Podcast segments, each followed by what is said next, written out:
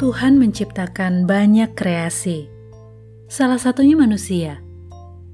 Manusia tidak didesain hidup sendiri, namun saling membutuhkan satu sama lain. Makhluk sosial.